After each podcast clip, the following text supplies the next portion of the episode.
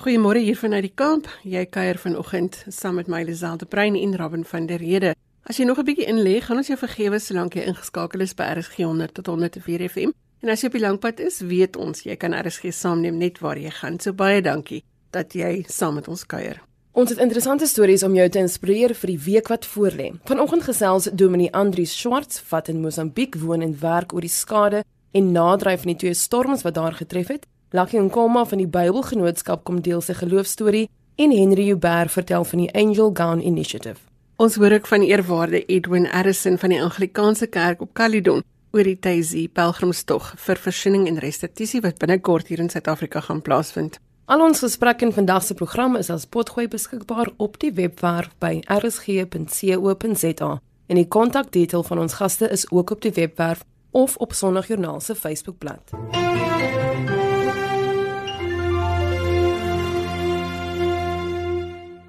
Dominee Andri Swart woon en werk in Mosambiek en soos ons almal weet is daar 'n tweede sikloon wat 'n deel van die land getref het. Goeiemôre Andries. Hallo, goeiemôre. Andries, in watter deel van Mosambiek bly julle? Wel, ons is in die Cabo Delgado provinsie. Dit is reg noordoos van Mosambiek teen die Tansaniese grens. En julle huise is verwoes, die kerk is verwoes, die plek waar jy werk is verwoes. Wat het met die storm gebeur? Wel miskien net ons huis self is nie verwoes nie, maar daar gedeeltelik was die radiostasie se dak opgelig en in die gemeenskap dink ek is omtrent so 75-80% van die huise verwoes hier direk by ons in Makumia. Dis miskien moet ek net vir jou gesê het dat ons is in Makumia en ons is omtrent so 45 km van die kus af.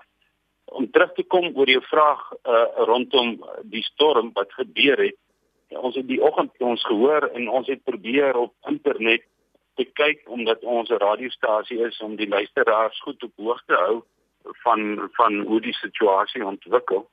En ons het gereeld elke nou en dan net die inligting deurgegee ons laat bel en vir hulle sê en dan luisteraars ook. Ons het al ons programme gekanselleer van die dag sodat ons mense dan nou kon op, op hoogte hou. Maar die storm het die oggend vroeg alreeds uh, was hier 'n sterk wind. Die storm die oog het ons eers getref hier die aand hier na 7 maar van vroeg af reeds winde en dit het net opgebou opgebou. Die hele dag en hier teen 3 uur het dit begin om bome om te waai.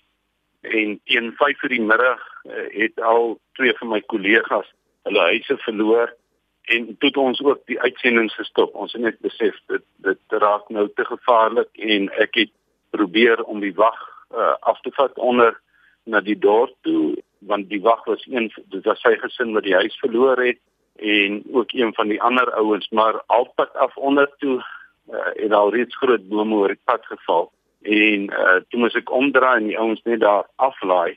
Die storm het maar net aanhou aanhou opbou en naand het ons kry maar net meer en meer boodskappe van mense wat sê dat hulle huise het omgeval, hulle dakke af en hulle huise het omgeval. En 'n mens besef net dat hierdie ouens sit in hierdie vleeslike reën, storms en en sinkplate vlieg wel rond.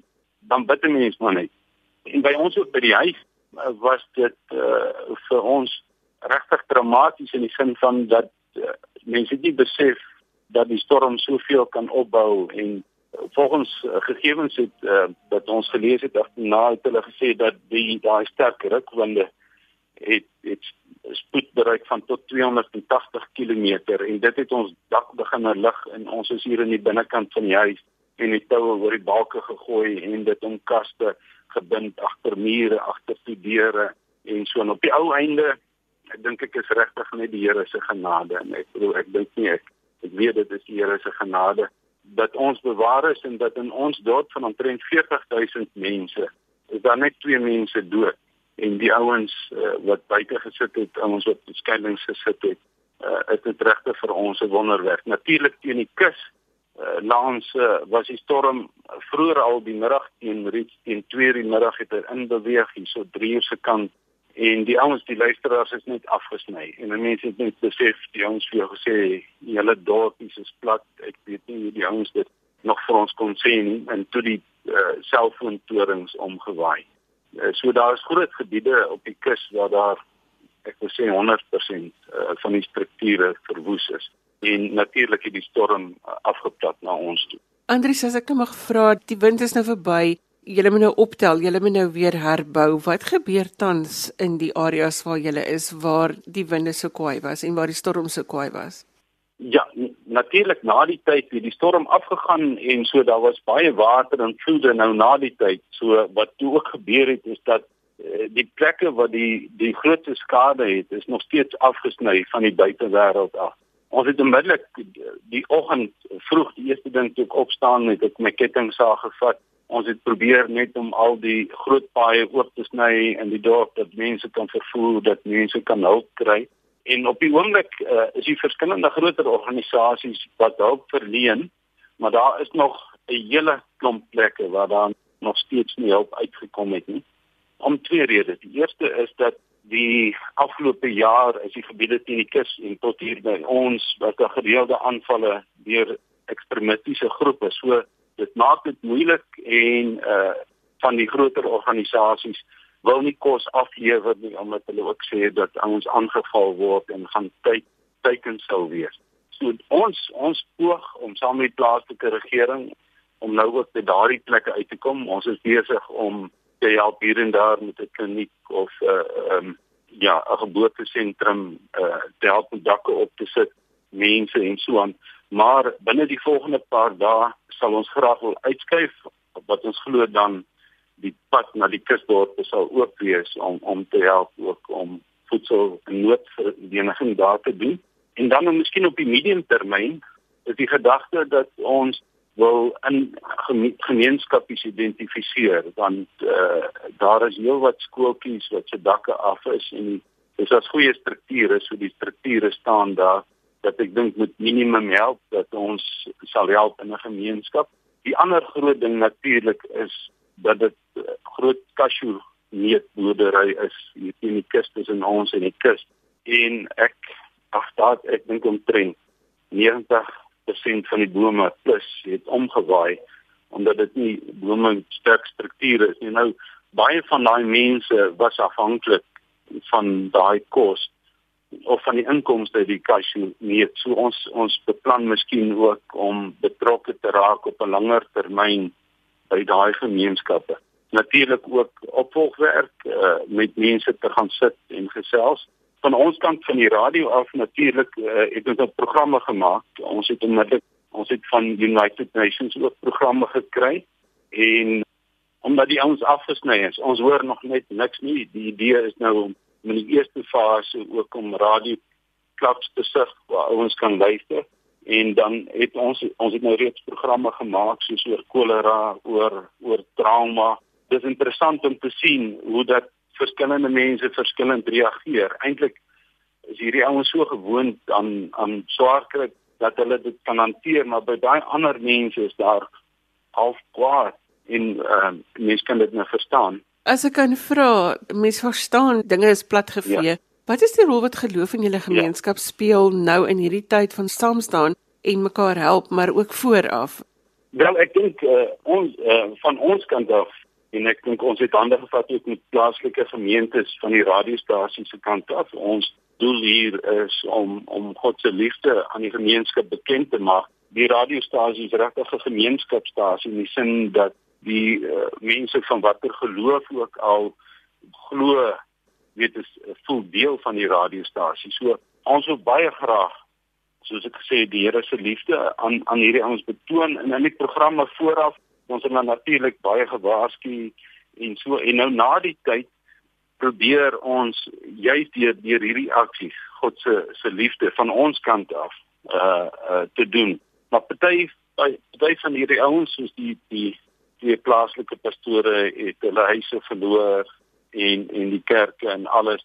So op hierdie fase is die ouens besig om self nog net hulle eie lewens in die gang te kry maar die ouens het al reeds kop opgetel en bymekaar gekom en ryk uit en dit is 'n mooi ding vir my.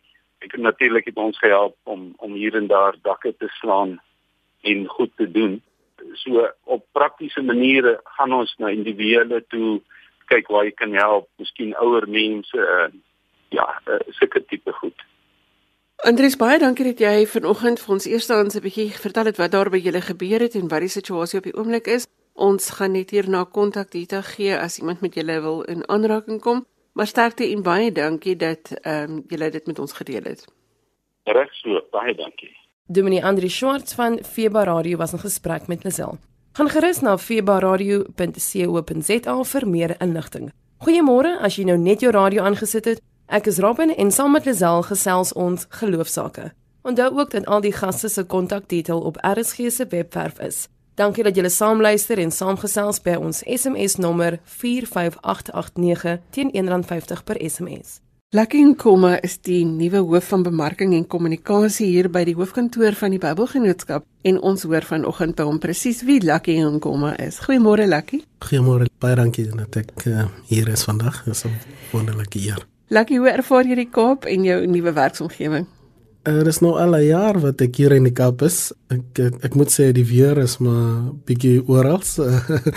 op 'n dag uh, kry mens uh, so vier seisoene op een dag, maar ek maak seker dat voor ek uh, die huis verlaat in die oggende, uh, ek maak seker dat ek uh, tree het of 'n umbrella of enige iets wat ek nodig het op die dag want 'n mens kan nooit weet uh, hoe die weer um, sal gaan in in die Kaap nie.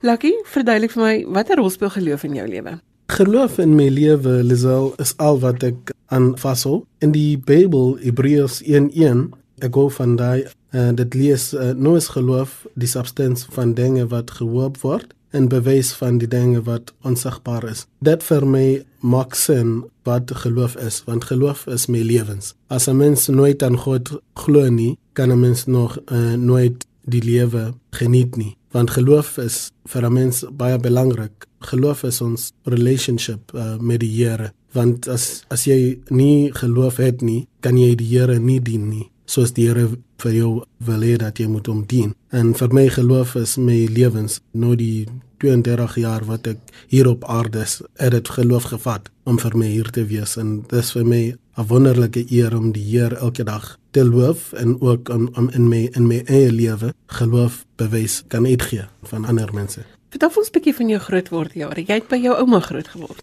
Ja, ek het in Soweto uh, groot geword. Ek was in 1987 gebore in in Baragwanath Hospitaal en ek was ek was by my ouma en my ma hulle want uh, ek het nooit my pa kon leer ken nie. Dit was vir my 'n baie baie wonderlike eer om die vrouens in my familie te sien hoe hard hulle het gewerk om om ons groot te word. En toe ek 2 jaar word, um 2 jaar oud was, uh, was my ma gediagnoseer met meningitis. So dit, dit was vir my baie baie moeilik as 'n kind om om nie die ma se liefde te kon kry nie soos ek wou gehad het. Maar sy susters was daar vir my en het alles vir my gesorg uh, wat ek nodig het en hulle het seker gemaak dat ek kerk toe gegaan elke Sondag en en dis hoe ek my leiding gekry het in die kerk en dis waar alles vir my uh, begin in die kerk om, om die Here te dien om hom te prys te loof en en dis waar my geloof sterk um, geword het en um, en tot hierdie jaar in 2019 um, sien ek hoe die werk van geloof in my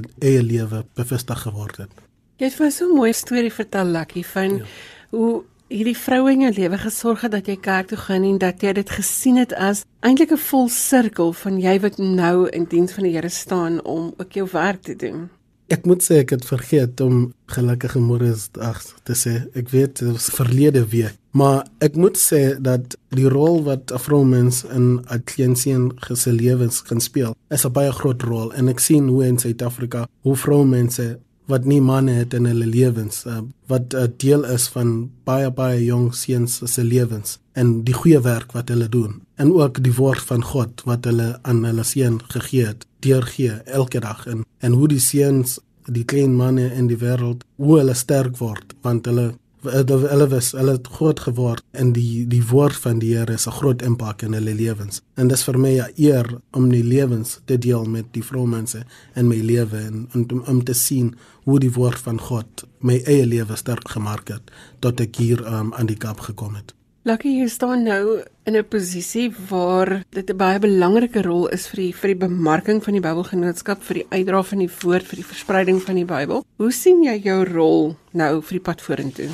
Elisabeth moet sê ons grootste werk in die Bybelgenootskap is om Bybels te versprei. So Bybelverspreiding is nog steeds die grootste missionale doel van ons organisasie en ons wil graag dit voorsien en ook in om kerke te dien met die vertaling van die woord van God om die Bybel te publiseer. Ons wil seker maak dat ons dit ook goed doen en aangesien meer as um, 3 uh, 23 miljoen mense nog steeds die Bybel in hulle geskikte formaat nodig het, moet ons nog steeds daaraan werk. Dit is baie werk wat voorlê vir ons om die Bybel deel van die families in te maak in Suid-Afrika en ook in Afrika. En as ons net met 2 miljoen mense of huise kan begin, dan gaan ons maar ons doele goed teer sien om die Bybel te versprei in Suid-Afrika. Ons gaan 'n bietjie gesels oor in die toekoms oor julle 200 jaar wat julle gaan oud wees volgende jaar. Julle is ook besig met baie opwindende projekte met uitreik na die dowe gemeenskap, die blinde gemeenskap. Daar's verskeie goed wat gebeur. Is nie net die gewone Bybel wat in 'n gewone huis neergesit word nie. Ja, dis baie spesiale projekte wat aan die gang is by die Bybelgenootskap. En dis om om seker te maak dat al mense in Suid-Afrika 'n Bybel in hulle geskikte formate kry. En dis vir ons belangrik om te sien dat elke mens in Suid-Afrika gee nie om of 'n mens 'n dowe mens is of 'n blind mens is dat hulle God se woord aan hulle formaat kan kry. En dit vir ons is om baie baie is 'n groot deel van ons harte en dis ook baie naby ons harte om om te sien die Bybel in verskillende formate um, in verskillende mens se lewens te sien uitreik. Lucky baie dankie dat jy kans gesien het om vanoggend met ons in Afrikaans te kom gesels. Ons weet dis myne vir jou derde of jou vierde taal. As ons vanoggend vir die mense 'n boodskap kan gee van 'n klein seentjie wie se familie om in die kerk groot gemaak het en wat nou in diens staan om die werk uit te dra, wat sal jou boodskap wees vir Suid-Afrika vanoggend? Vir my is dit God is een. En as al die tale, al die verskillende mense in Suid-Afrika kan dit besef dat as dit na aan God kom, dan is ons maar net een mens. En en vir my dis ook na die verkiesings ons ons het gesien hoe ons kan maar aan mekaar vat maar op die einde van die dag as ons net hande by mekaar kan vat en te besef dat as die einde van die dag kom al wat maak sin is dat as ons maar net een mens kan wees. En vir my vir die mense in Suid-Afrika kan ek maar sê vanoggend dat die Here is vir ons goed.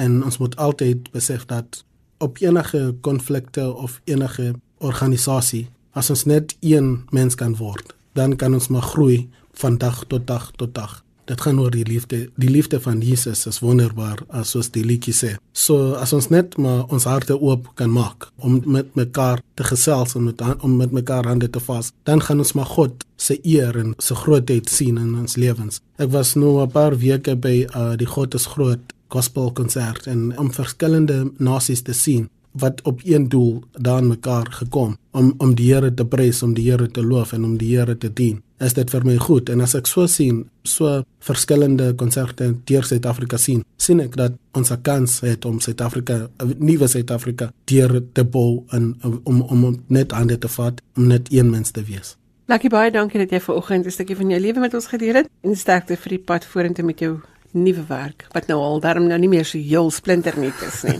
Baie dankie Lisel vir die kans. Uh, en ek hoop uh, almal kan by mekaar kom en ons ek hoop dat ons kan maande kan vat en elkeen gee 'n Bybel. Dit is vir ons baie belangrik om elke mens te sien met 'n Bybel in deur Suid-Afrika. Baie dankie. En so gesels Lucky en Komma van die Bybelgenootskap. Jy is ingeskakel op RSG 100 tot 104 FM En jy luister na Sondagjoernaal waar ons gesels met mense oor hulle belewenis van godsdiens en geloof. Ons ken Henry as 'n toegewyde pa en stilis, of as ek net die formele langnaam moet gebruik, hy is 'n visuele handelswarebeplanner van 'n kettingsgroep, maar ons gesels nie vanoggend oor winkelfensters nie. Goeiemôre Henry. Goeiemôre Lisel. Die Angel Gown Initiative, vertel vir ons wat is dit? So dit is 'n organisasie wat ek um, raak gesien het op 'n program van Kwela wat Hulle gebruik dit trourokke en aandrokke om 'n produk met die naam Angel Gowns te vervaardig wat um, 'n oplossing is vir ouers wat deur die trauma gaan van dat hulle baba nie lewend gebore is nie. Hoekom gebruik julle trourokke spesifiek, Henry?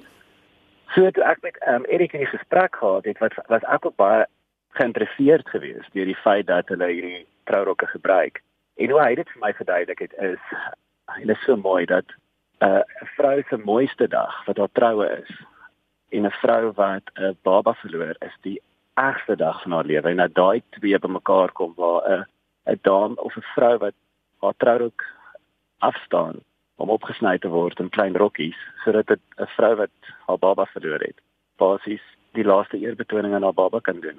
En hierdie is nou kinders wat vroeggebore word, wat doodgebore word.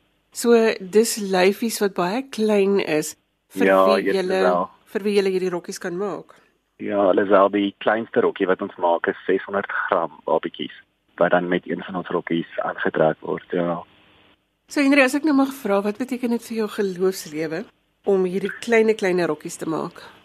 Dis al ek het in die laaste 2 jaar mos ja, ek is letterlik wedergebore en my gedagtes is heeltemal anders as wat ek was toe ek nie die Here heeltemal geken het nie. En hy het heeltyd vir my net herinner aan al my talente. Al die talente wat hy my gegee het en geskenk het. Wat maak ek daarmee? Ja, ek gebruik dit in my loopbaan en in my werk. Maar wat gee ek terug vir die gemeenskap? Daai het my baie baie gepla. En mense is altyd so geneig om goed te doen as jy betaal word daarvoor. Maar as mens iets vrywilligliks doen, dan vat dit nogal aan jou lyf en ek bedoel dit vat dit vat tyd van jou weg wat jy nooit weer kan terugkry. En ek het lank ges, ges, gewonder wat gaan ek myself mee besig hou wat vir ander mense iets kan beteken met my talente. Nou ek het baie, ek bedoel ek was voorheen 'n haarkapper gewees en ek was 'n modeontwerper en ja, wat doen mens nou? So ek het al genade sny by huise vir gestremdes en so want daai kinders het andersins nie iemand wat laer is nie.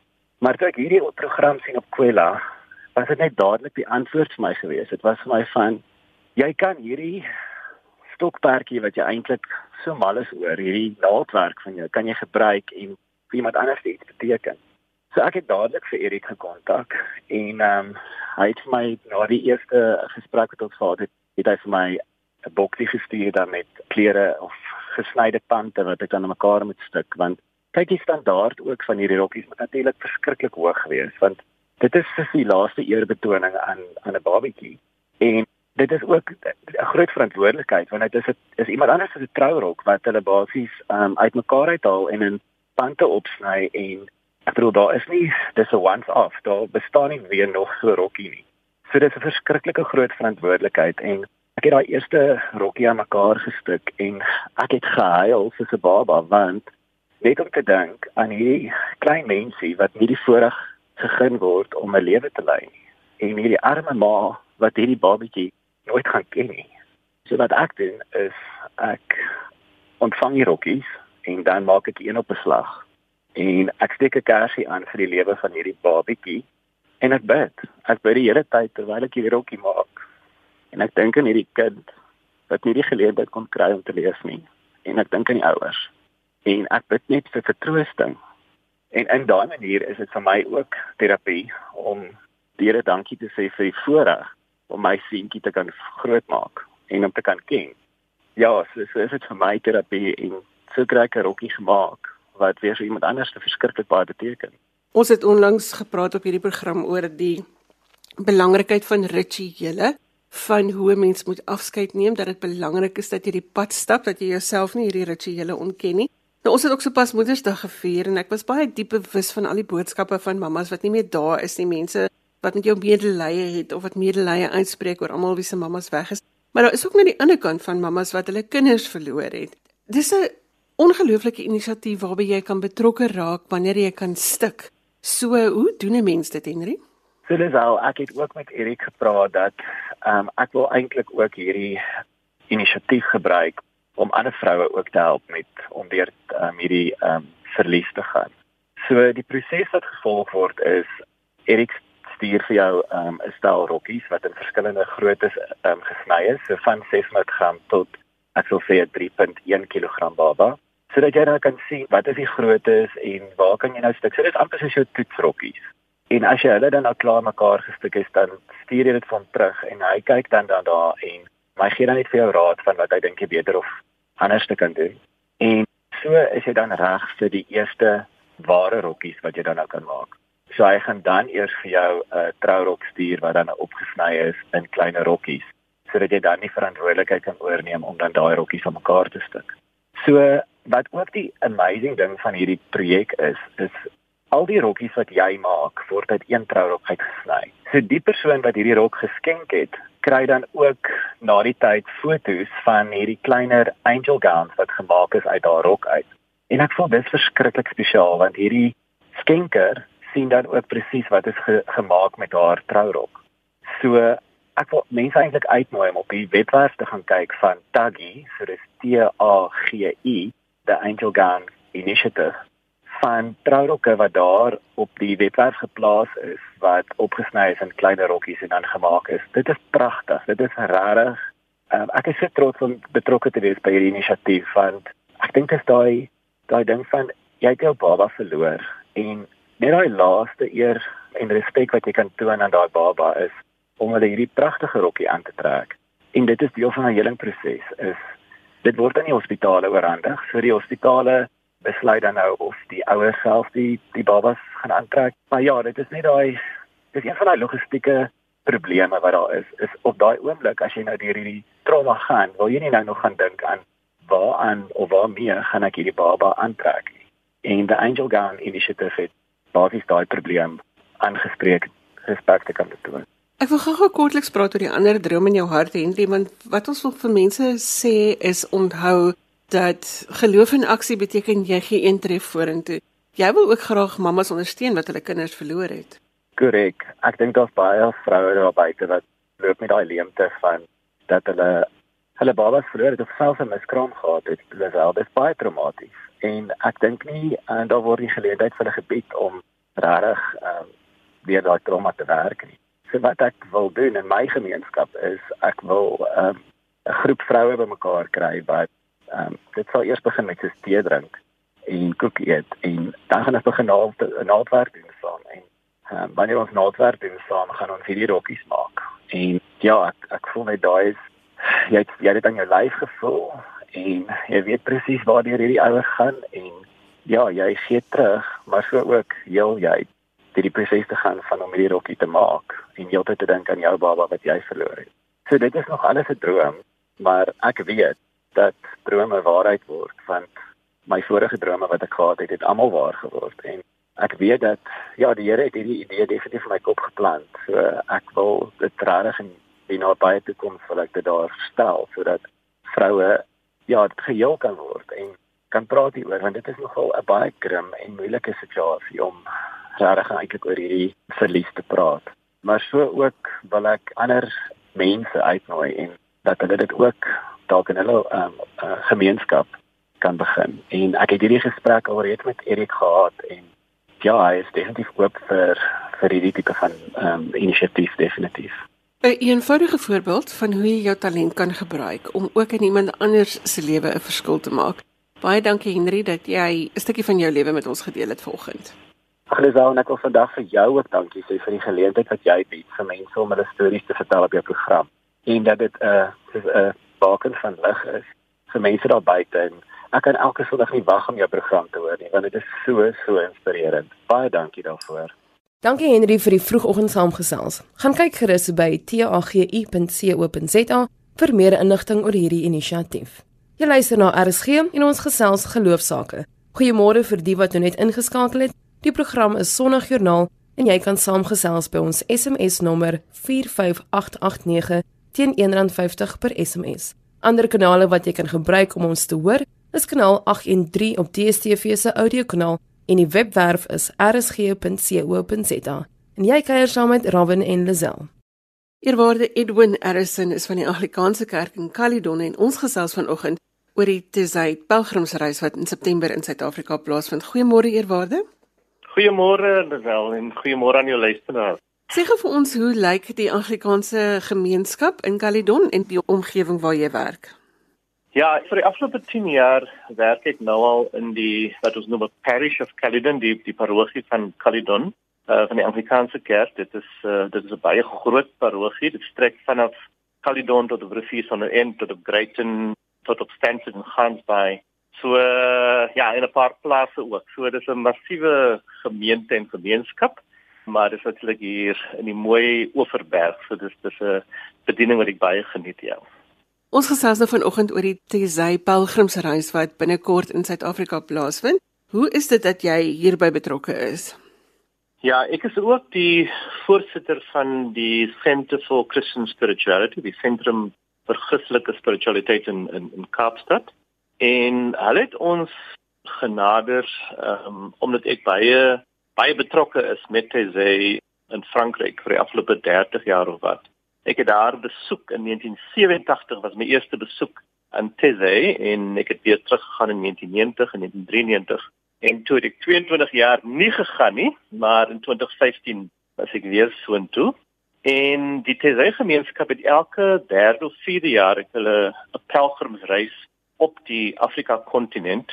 In 2008 het 'n groep van ons die pelgrimreis in, in Nairobi, Kenia bygewoon met omtrent so 8000 jong mense daar.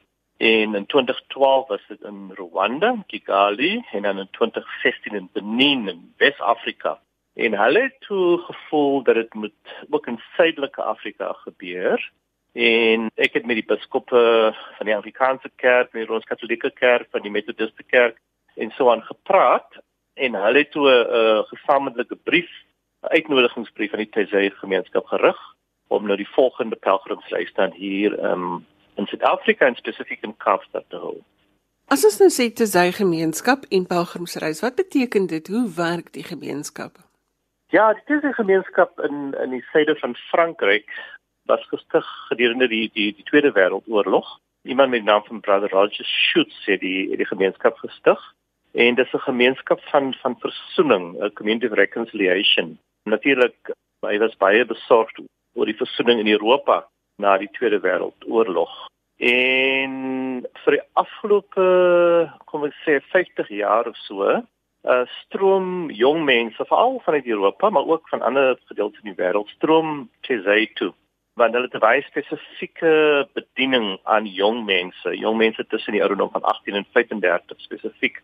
En ja, so elke week op TZ is daar is daar eintlik 'n 'n pelgrimsreis. So dis 'n reis wat nooit ophou nie. Hulle sien elke Christen of elke jong mens as as 'n pelgrim op 'n reis om versoening binne homself of haarself te bewerkstellig, maar ook versoening in die wêreld. En hoe kan ons groter gemeenskap nou hierby betrokke raak, Edwin? Ja, omdat dit in Kaapstad gebeur het, gebeur in Randebosch eintlik gaan die die sentrale venue wees vir die pelgrimsreis. So hoe dit werk is dat families en gemeentes word gevra om jong mense vanuit die res van Suid en Suidelike Afrika en die res van die kontinent en res in die wêreld om die jong mense te huisves. Uh, so dit is die eerste manier so gemeentes kan sê ons is bereid om 10, 20, 50 jong mense te huisves in ons gemeente gedurende die pelgrimsreis en um, hulle kan direk skakel met die organiseerders en ek sal ek sal die hulle kontak details vir jou gee en dan begin die gemeente hulle self voor te berei vir hierdie jong mense om te kom. En dan wanneer die die pelgrimsreis gebeur, dan met die familie dan wel elke familie sal dan net verantwoordelik is vir hulle breakfast in die oggend, um, wanneer hulle wakker word. En dan word hulle geneem na die plaaslike um, kerk toe waar 'n bus dan vir hulle sal optel en dan sal hulle in die oggend sal hulle gaan na 'n plek of 'n persoon van hoop om na daai stories te luister daar wat hulle doen.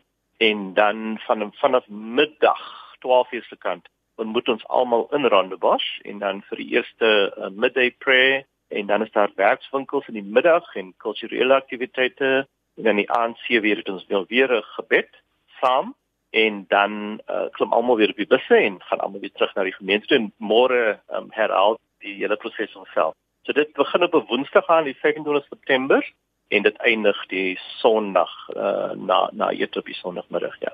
Edwinse, daar is van hierdie mense wat reeds in Suid-Afrika woon, maar dit is nie 'n vreemde konsep nie. Ons is nie besig hier met vreemde dinge nie.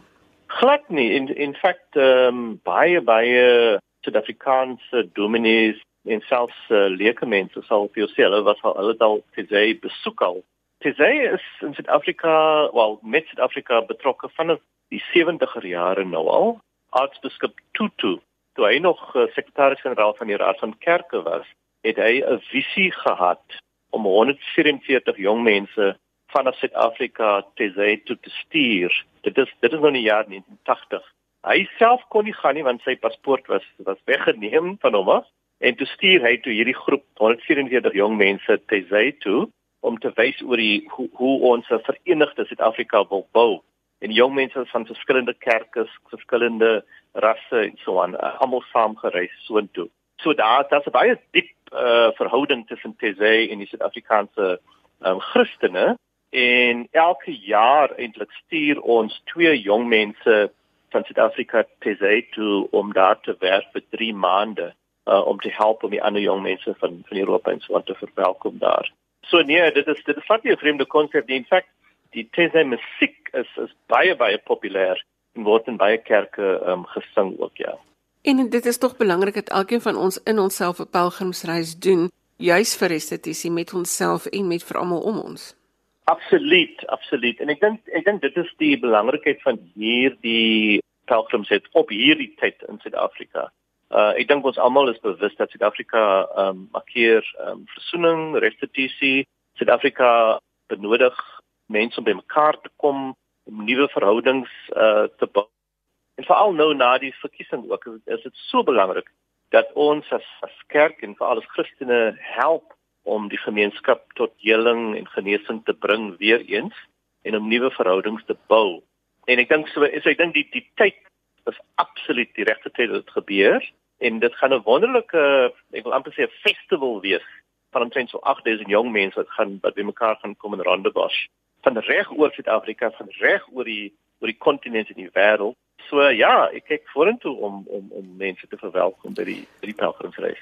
Edwin en as ons meer detail hieroor wil hê wie kan hulle kontak? Die maklikste is om vir brother Luke te kontak. Hy is een van die broers van die Tese gemeenskap. Hulle is monnike wat almal deel is van die gemeenskap. En hy is by die Anglikaanse kerk in Walmer Estate, Upper Queens Road, Walmer Estate in in Kaapstad. Ek kan sê sy e-pos adres vir gee vir nou. Ehm um, dit is luke l u c @tze.fr. Ek dink dit gaan die maklikste wees. luke l u c @tze.fr as jy direk vir hom skryf, hy sal onmiddellik reageer en en dan kan 'n gesprek met hom begin word. Hulle kan mense stuur na jou gemeente toe om daar te kom praat. As jy 'n groepie wil stig in jou plaaslike gemeente om dit te reël, you know, jy, hulle sal kom en met hulle en met die gemeente leer te kom praat om dit te reël. Edwin baie dankie dat jy vanoggend met ons gekuier het. Dankie vir die samegesels en vir die deel van die inligting. Ja, en baie dankie vir jou. Goed gaan, hè?